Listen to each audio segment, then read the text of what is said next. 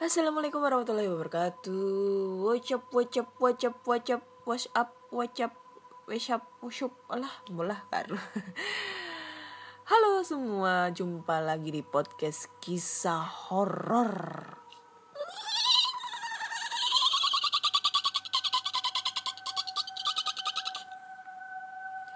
Masih bersama dengan Ana di sini yang akan membawakan cerita horor, email berantu yang sudah dikirimkan teman-teman melalui podcast kisah horor at gmail.com ataupun di DM Instagram Ana Olive dan DM Instagram podcast kisah horor. Hari ini hari hari apa ya? Hari Selasa, hari Selasa men, tanggal 7 bulan 7 tahun 2020. 7 bulan 7 2020. Seharusnya 2000 7. Nah, mantap itu.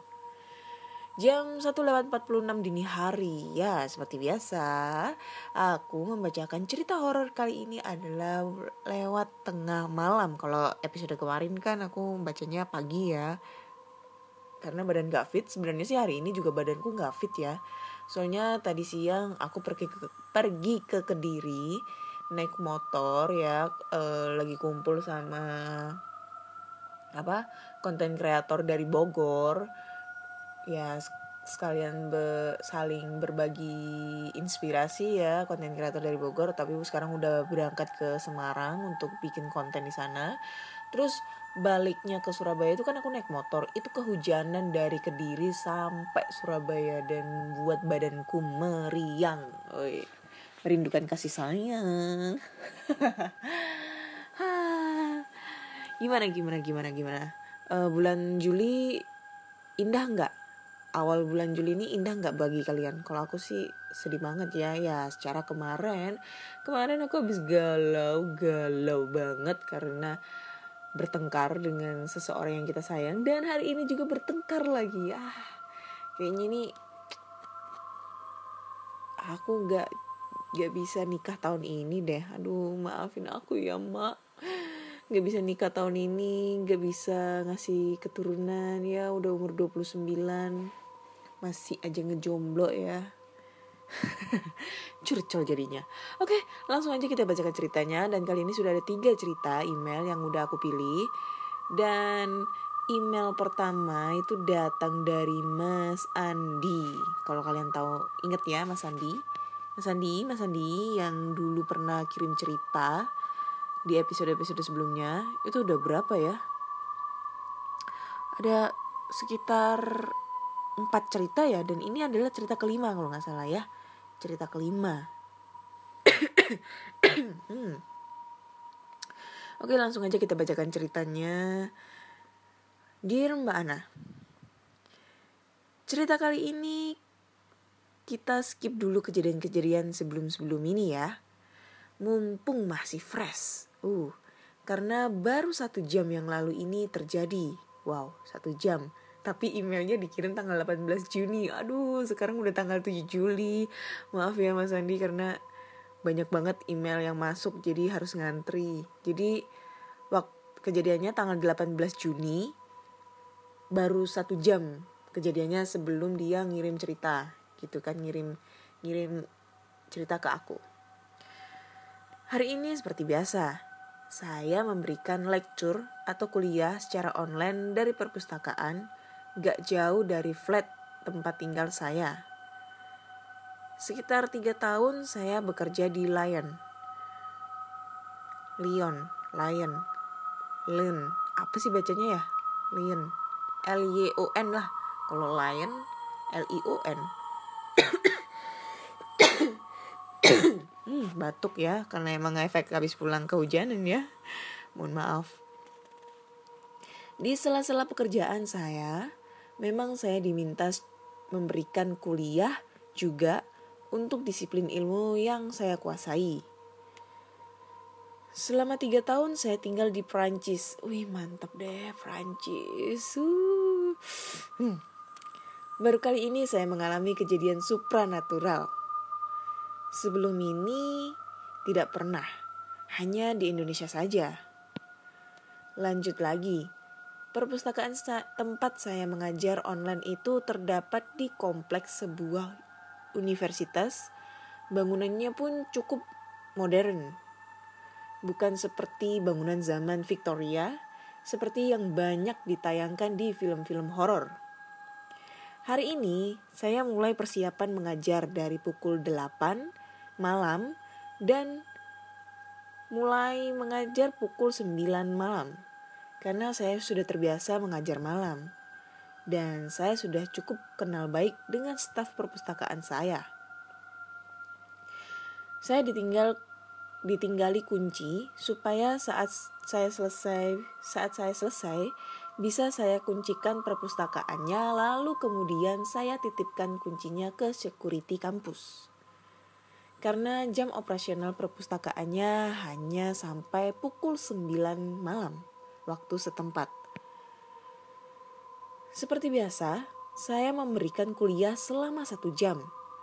Selama saya mengajar, saya memang sudah merasakan beberapa keganjilan, seperti suara-suara orang berjalan bolak-balik menyusuri lorong-lorong buku di belakang saya, atau suara komputer di resepsionis yang seperti ada yang menggunakan.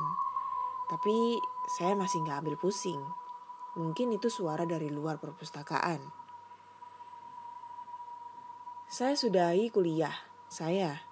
Lalu kemudian saya bebenah barang-barang saya dan memasukkannya ke dalam tas. Buku-buku pun harus saya kembalikan ke rak-raknya masing-masing. Kondisi perpustakaan tadi memang lampu-lampu utama sudah dimatikan. Hanya lampu meja saya yang menyala dan beberapa lampu sudut yang remang-remang yang menyala. Saat saya mau mengembalikan buku ke salah satu rak, saya baru sadar. Ternyata gak jauh dari tempat saya duduk tadi, ada seorang wanita yang kelihatannya sedang membaca buku. Tapi dia tidak menyalakan lampu meja.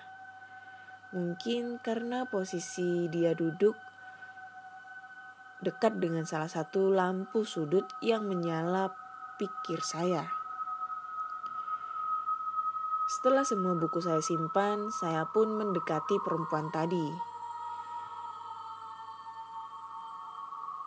Yang mana tadi? Oh ya, bermaksud memberitahu kalau perpustakaan akan dikunci.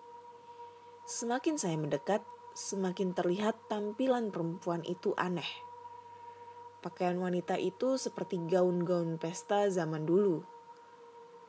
Saya pikir, masa iya kondisi rawan wabah seperti sekarang masih ada yang mengadakan pesta dansa. Semakin mendekat dia pun perlahan mengangkat wajah seperti melihat saya. Wajahnya cantik, sangat cantik. Tapi sangat pucat di bawah cahaya remang lampu sudut. Saya mulai berpikir, ini bukan manusia pasti. Saya diam di tempat Lalu dia berdiri dengan cepat menatap tajam ke saya.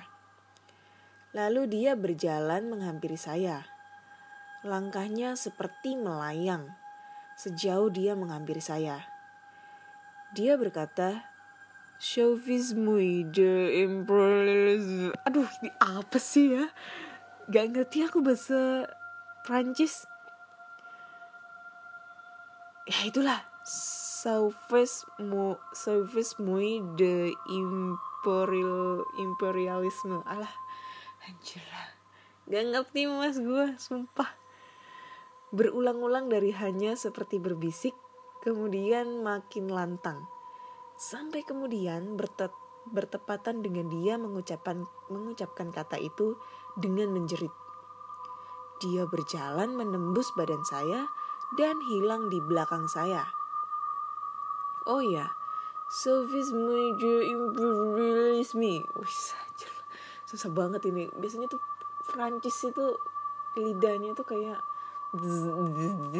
gitu ya susah banget jadi yang tadi bahasa Prancis tadi itu artinya selamatkan aku dari pihak kerajaan Nggak pakai pikir panjang, saya cepet-cepet berjalan menuju pintu keluar. Saya kunci, bahkan saya lupa matikan lampu. Biar saja saya pikir.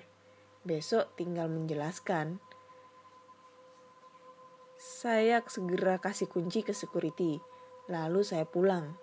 Terus terang, sekarang pun sambil saya cerita ini, badan saya masih gemetar dan masih terbayang kejadian tadi. Ini dulu mungkin Mbak Ana, besok saya mungkin akan cari tahu sejarah kampus. Karena saya pun jadi penasaran. Terima kasih mana. VS, seperti biasa Mbak Ana boleh diedit atau dirangkum kalau terlalu panjang dan berbelit-belit tanpa merubah esensi cerita. Kalau ada pertanyaan bisa langsung WA saya ke plus 33 bla bla bla bla bla bla. Nah, ini aku baru tahu ya. Ternyata ini aku kan mikir ya, plus 33. Ini nomor mana ya? Dan ternyata ini nomor internasional dong, nomor Prancis, kode negara Prancis. Ya elah mas, oke aku WA abis ini ya. Beneran nih aku WA abis ini setelah aku bikin podcast. Jarang-jarang kan aku punya kenalan. Dia lagi kerja di Prancis itu lagi ke Prancis ile aku aja di Jerman rumah aku jejere manuan jejere manuan guys ada itu Singapura ini rumahku jejere manu Jerman ya. Nanti jarak 3 km udah Singapura guys. Kota Singapura Citraland. Anjir lah. Lagian di Prancis ya aku baru tahu nih. Kan bahasa Prancis itu kayak apa ya lidahnya itu loh. Gitu ya. Aku yang aku tahu itu bahasa Prancis cuma ini aja. Hai Mas Andi Jeshmi Amor Litua Woi mantap ya. Itu doang yang aku tahu. Itu gara-gara aku nonton zaman dulu tuh nonton film Evil I'm in Love itu. Yang waktu Tita si Sandy Aulia ngomong ngomong bahasa Prancis aku cinta kamu itu ke si siapa? Samuel Rizal. Siapa ya itu? Kalau pemerannya namanya kalau diperanin di situ Tita sama Adit. Nah sama Adit. Iya aku tuh suka banget filmnya. Evil I'm in Love. Oke makasih ya Mas Andi buat ceritanya. Ih serem banget ini. Sumpah. Jadi ini kejadiannya itu Mas Andi itu baru cerita satu jam setelah kejadian ya. Dan waktu itu kejadiannya tanggal 18 Juni 2020 tapi aku bacakannya tanggal 7 Juli 2020 udah lewat hampir satu bulan ya. Ya karena memang ngantri banget untuk dibacakan ceritanya. Wih jadi kalau setan di luar negeri tuh bentuknya kayak gimana ya? Cantik-cantik kan? Ini katanya Mas Andi cantik loh. Cantik banget. Tapi kenapa ya kalau hantunya di Indonesia itu burik-burik semua gitu? Ya kan kalian tahu ya kalau film-film di mana gitu kan? Di, ya film-film Indonesia kuntilanak bentuknya kayak gimana gitu kan? Genderuwo itu serem kan? Terus apa lagi apa lagi ya? Bebek gombel. Payudaranya panjang. Begu ganjang. Wah tinggi panjang. Kayak Slenderman gitu. Kalau Slenderman kan masih masih agak elit gitu ya. Pakai jas jas hitam gitu kan. Tuxedo pakai topi gitu kan. Kayak topi ala ala pesulap gitu. Kalau begu ganjang dia telanjang guys. Cuma pakai kain dililit di bawahnya gitu. Kalau aku lihat di fotonya ya kuntilanak. Gitu bajunya putih terus. Gak ganti-ganti. Rambutnya mesti acak-acakan. Tapi kalau di di luar negeri itu kan pasti pakai baju zaman dahulu gitu kan. Terus rok panjang gitu dress panjang mengembang gitu. Lah ala noni noni Belanda. Cantik itu aduh. Ya makasih ya Mas Andi buat ceritanya. Ditunggu cerita selanjutnya ya. Wih, Mas Andi ini rajin banget loh uh, kirim cerita di podcast kisah horor. Ih, salut aku ini mah. Makasih ya Mas Andi. Nanti aku WA loh. Habis ini aku WA setelah setelah bikin podcast ini ya. Oke. Anjir ini kenapa email aku? Kok gini? Ntar dulu ya email aku agak error. Logout logout sendiri Oke, kita lanjut lagi ke cerita kedua ya. Cerita kedua datang dari email lagi. Dan kali ini anjir, lama email aku. Ini tadi ke logout email aku. Nah, ini dah. Jadi cerita kedua datang dari Alif Rahm, Rahma Prihas. Ntar, kok lama sih lemot Bentar ya, ah ini dia. Cerita kedua datang dari Alif Rahma Prihasmoro. Nah.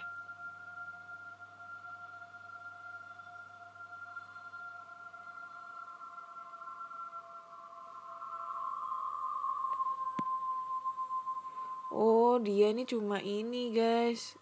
Hmm, kayak ngerekomendasiin ini uh, lokasi ya? Eh enggak sih. Bentar ya aku baca ya. Selamat pagi kak kakak. Jadi saya di sini ingin mencari tahu tentang perumahan Nogotirto Indah Yogyakarta kak. Jadi dulu sebelum bangunan ini tuh ada kejadian apa gitu? Kak ya kejadian apa dong? Oh ya maaf kenalin. Nama lengkap Alvita Rahma Prihasmoro. Nama inisial panggilan Vita usia 17 tahun daerah daerah kota Yogyakarta. Catatan sebenarnya fotonya ada di Google Maps. Kakak cari aja search Perum Nogotirto Indah. Soalnya kadang-kadang aku mendengar seseorang teriak minta tolong. Nah kebetulan belakang rumahku tuh sawah kak. Hmm, jadi ini kamu mau cerita horor? Apa mau ngerekomendasiin tempat? ini subjeknya cerita horor, judulnya cerita horor, tapi nggak ada ceritanya. Adek, nanti kalau kamu udah ngedengerin episode yang terbaru ini jangan lupa kirim ceritanya loh ya aku tunggu ceritanya. Untuk lokasinya nanti aku coba cari di Google Maps ya. Soalnya HP-nya dibuat nge-record nih. Nanti aku cari di Google Maps. Nanti aku posting di story ya ataupun di uh, apa di Instagram aku aku upload ya uh, untuk tapi kayaknya nggak etis banget deh. Ya nantilah. Pokoknya aku tunggu ceritanya ya. Oke kita skip ya. Kita lanjut ke cerita selanjutnya. Cerita selanjutnya itu datang dari email lagi. Oke kita bacakan emailnya Halo podcast kisah horor. Jadi kejadian ini terjadi di tahun 2008 dan saya alami dengan beberapa teman saya. Sebut saja Ari, Reno, Saidi, Bun Bun, Cika, Indah, dan Elisa. Kejadian ini bermula ketika Elisa dan putrinya diteror hantu perempuan menyerupai kuntilanak ketika mereka cuma berdua di rumah karena suami Elisa sedang dinas di luar kota. Pada malam, mereka berdua itu Elisa dan putrinya sudah tidur nyenyak. Tapi kemudian Elisa terbangun karena ada suara-suara di ruang tamu yang dekat dengan kamarnya.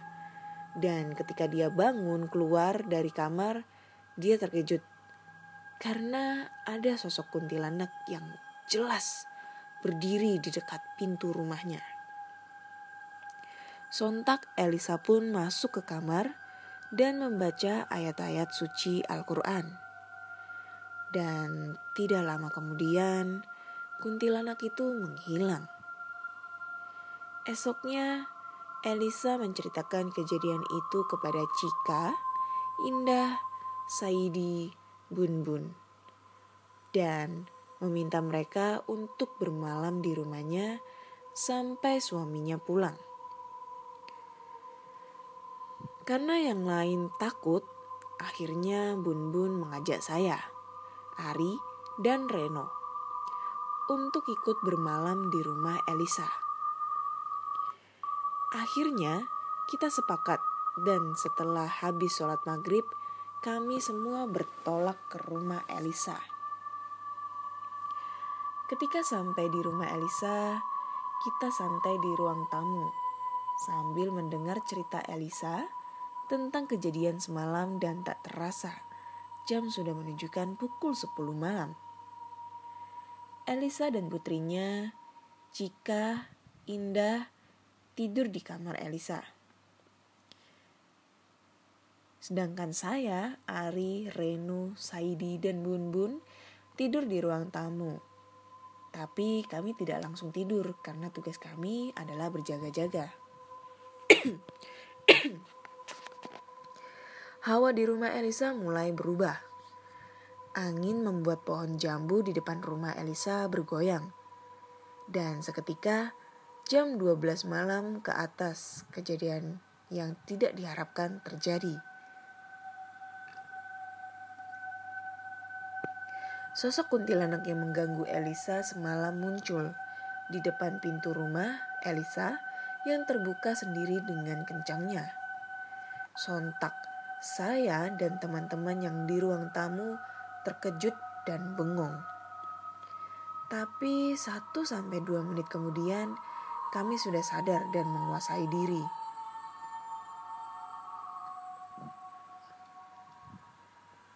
Saya menyuruh Elisa, Cika, Indah, dan putrinya tetap di kamar dan membaca ayat suci Al-Quran. Sedangkan saya dan teman yang lain dikomando oleh Ari yang memang menguasai ilmu agama yang kuat. Mulai membacakan ayat suci Al-Quran untuk mengusir kuntilanak tersebut. Alhamdulillah tidak lama kemudian kuntilanak itu hilang. Kemudian Ari mengeluarkan tiga botol besar air, air mineral yang sudah dibacakan surat Yasin di seluruh sudut rumah Elisa dan malam itu pun keadaan normal sampai subuh. Karena kami memang tidak tidur untuk berjaga-jaga kalau kuntilanak itu datang lagi. Karena penasaran kenapa kuntilanak itu mengganggu Elisa, padahal sebelumnya tidak pernah ada kejadian. Kami pun sempak sepakat untuk menanyakan itu kepada Kiai yang juga guru dari Ari. Setelah sampai di rumah Elisa, kemudian beliau berdoa dan mendekati pagar rumah Elisa dan mengambil tanah di sekitar pagar.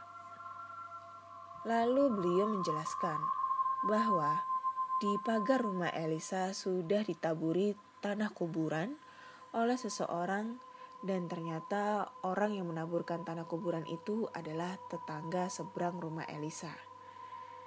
Kami pun langsung menuju rumah orang tersebut dan minta penjelasan. Akhirnya orang itu mengaku dan mengatakan bahwa dia melakukan hal tersebut karena iri dengan kehidupan Elisa dan suaminya yang semakin bagus rezekinya.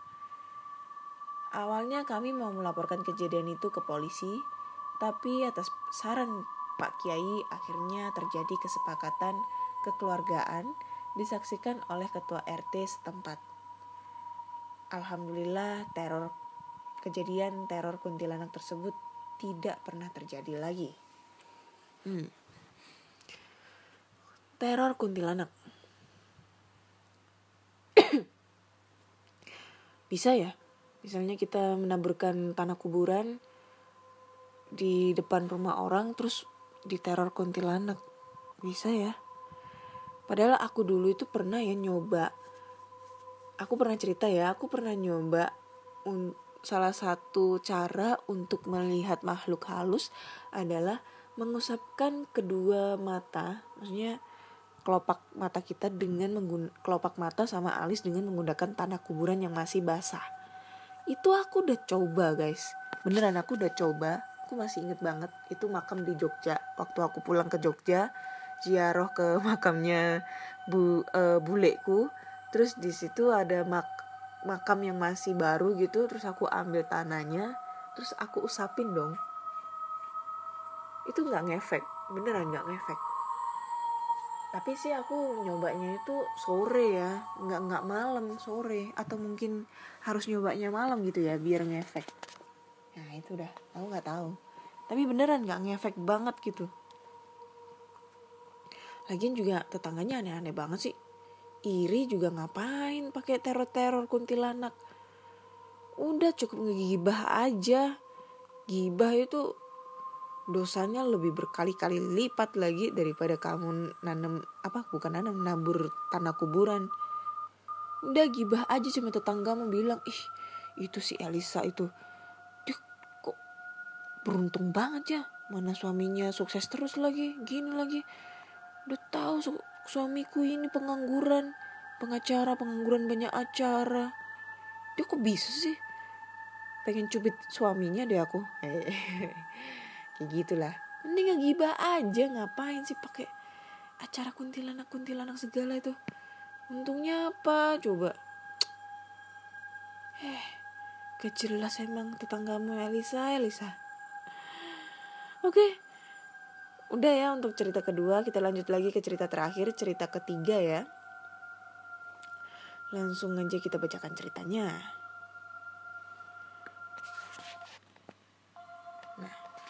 Halo Kak Ana. Kali ini aku mau bercerita tentang pengalaman teman aku yang namanya Elis.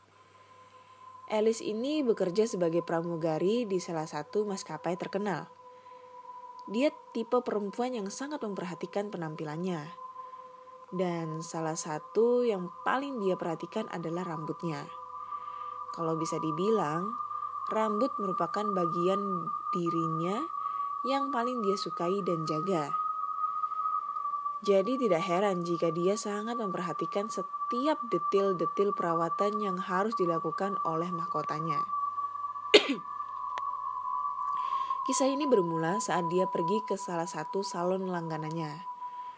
Malam itu, dia akan menghadiri pesta kondangan. Sebag sebagai pelanggan setia, dia pun juga sudah akrab dengan hairstylist yang biasanya menangani rambutnya. Untuk model kali ini, hairstylistnya mengandalkan hair extension untuk membuat penampilan yang elegan. Ellie sangat puas dengan hasil kerja stylist.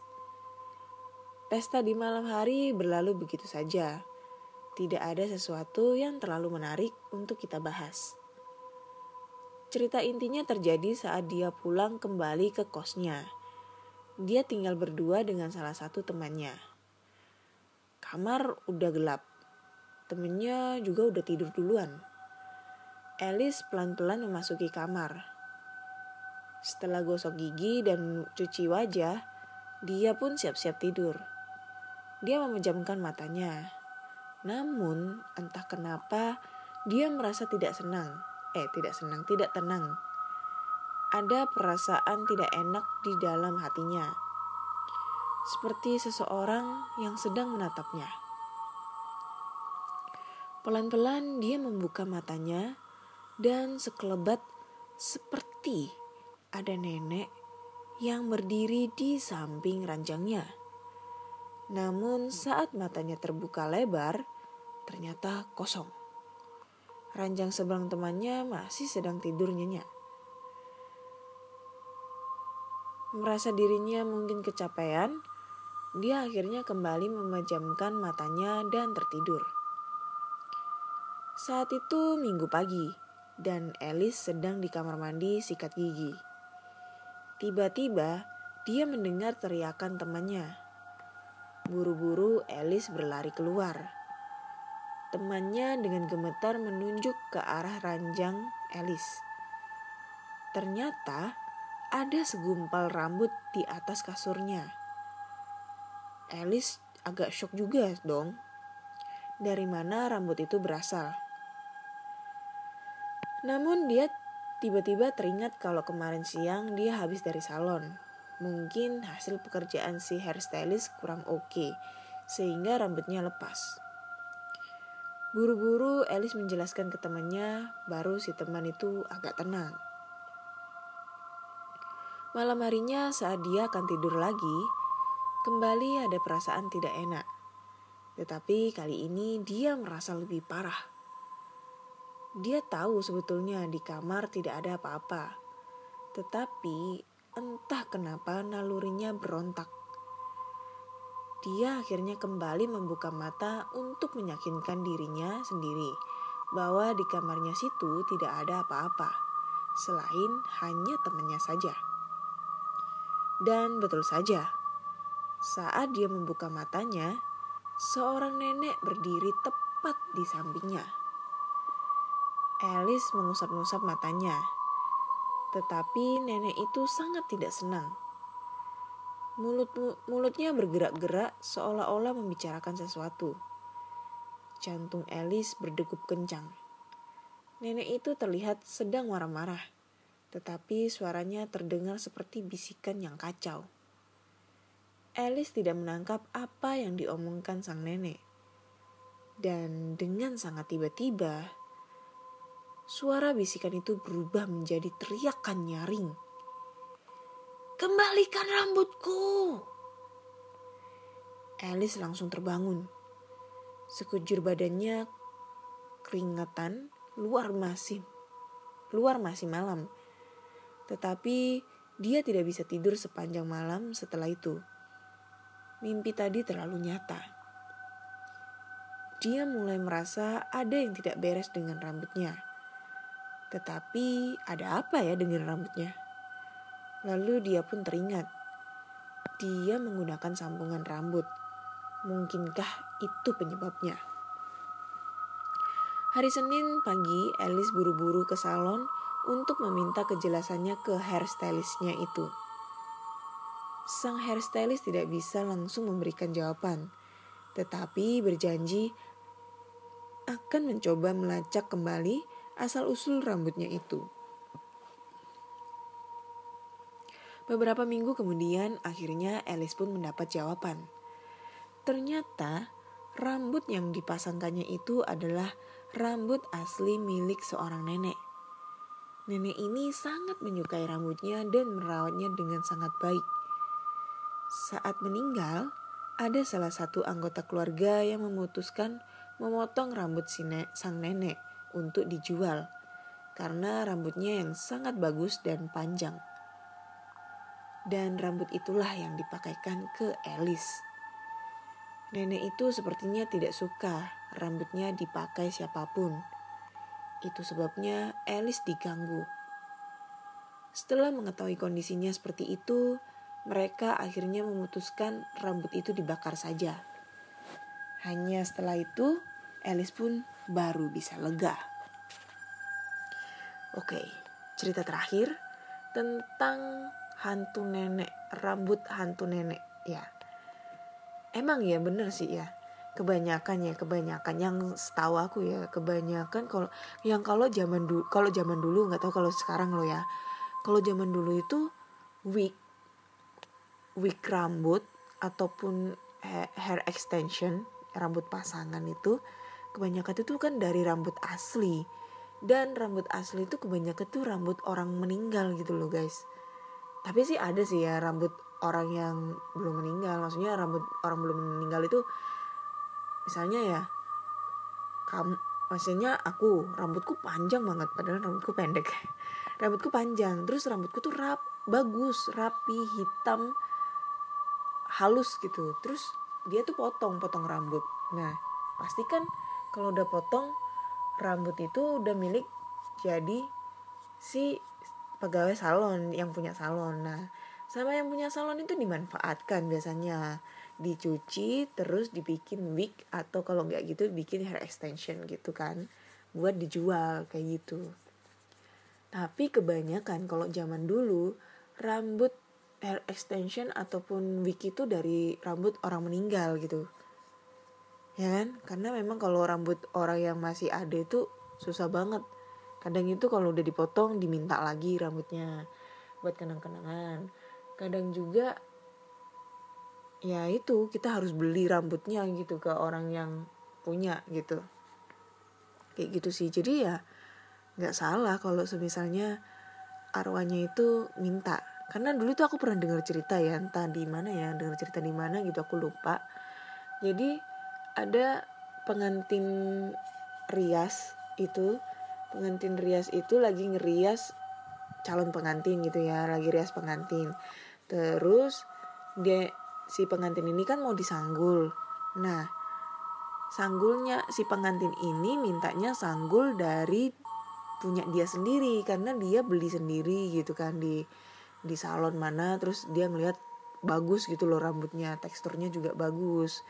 Karena rambutnya asli dia bilang. Nah dipakai dong pada saat itu dipakai pada saat itu setelah dipakai dirias dalam waktu beberapa jam sebelum eh ya pas acara pernikahan itu si cewek itu kesurupan dan minta rambutnya dikembalikan sama yang punya. Kayak gitu. Pernah itu. Aku lupa siapa yang cerita. Udah lama banget sih. Pernah itu. Wih serem lah. Serem banget sumpah oke okay. udah tiga cerita yang udah aku bacain ya aku udah agak sedikit ngantuk ya karena udah nunjukin jam setengah tiga pagi so jika kalian mempunyai cerita horor yang menurut kalian tuh creepy banget ya entah itu pengalaman dari kakak, adik, saudara, ayah, ibu, nenek, kakek, ya itulah pokoknya kalian bisa langsung aja kirim cerita kalian ke podcast kisah horror at gmail.com ataupun di DM Instagram podcast kisah horror dan DM Instagram Ana Olive. Dan jangan lupa podcast kisah horror kali ini sudah eksklusif di Spotify, Google Podcast, Apple Podcast, dan Anchor. Dan jangan lupa klik tombol follow agar kalian selalu update tentang cerita horor terbaru, terbaru. Dan podcast kisah horror kali ini udah mencapai peringkat 152 di Spotify. Masih bertahan di 200 besar ya selama kurang lebih satu minggu ini. Dan jika kalian suka dengan video explore atau video cerita horor lainnya yang memang berbeda dengan cerita yang ada di Spotify, kalian langsung aja bisa mampir di channel YouTube aku namanya Ana Olive. A N N A O L I V E. Jangan lupa klik tombol subscribe dan nyalakan tanda lonceng agar kalian selalu update tentang video-video explore terbaru atau video cerita horor terbaru. Jangan lupa like, komen, dan share. Oke, akhir kata saya mau mengucapkan terima kasih banyak sudah mau meluangkan waktu untuk mendengarkan cerita horor di podcast kisah kisah horor. Mohon maaf jika ada salah-salah kata dalam pembacaan cerita kali ini dan sampai jumpa.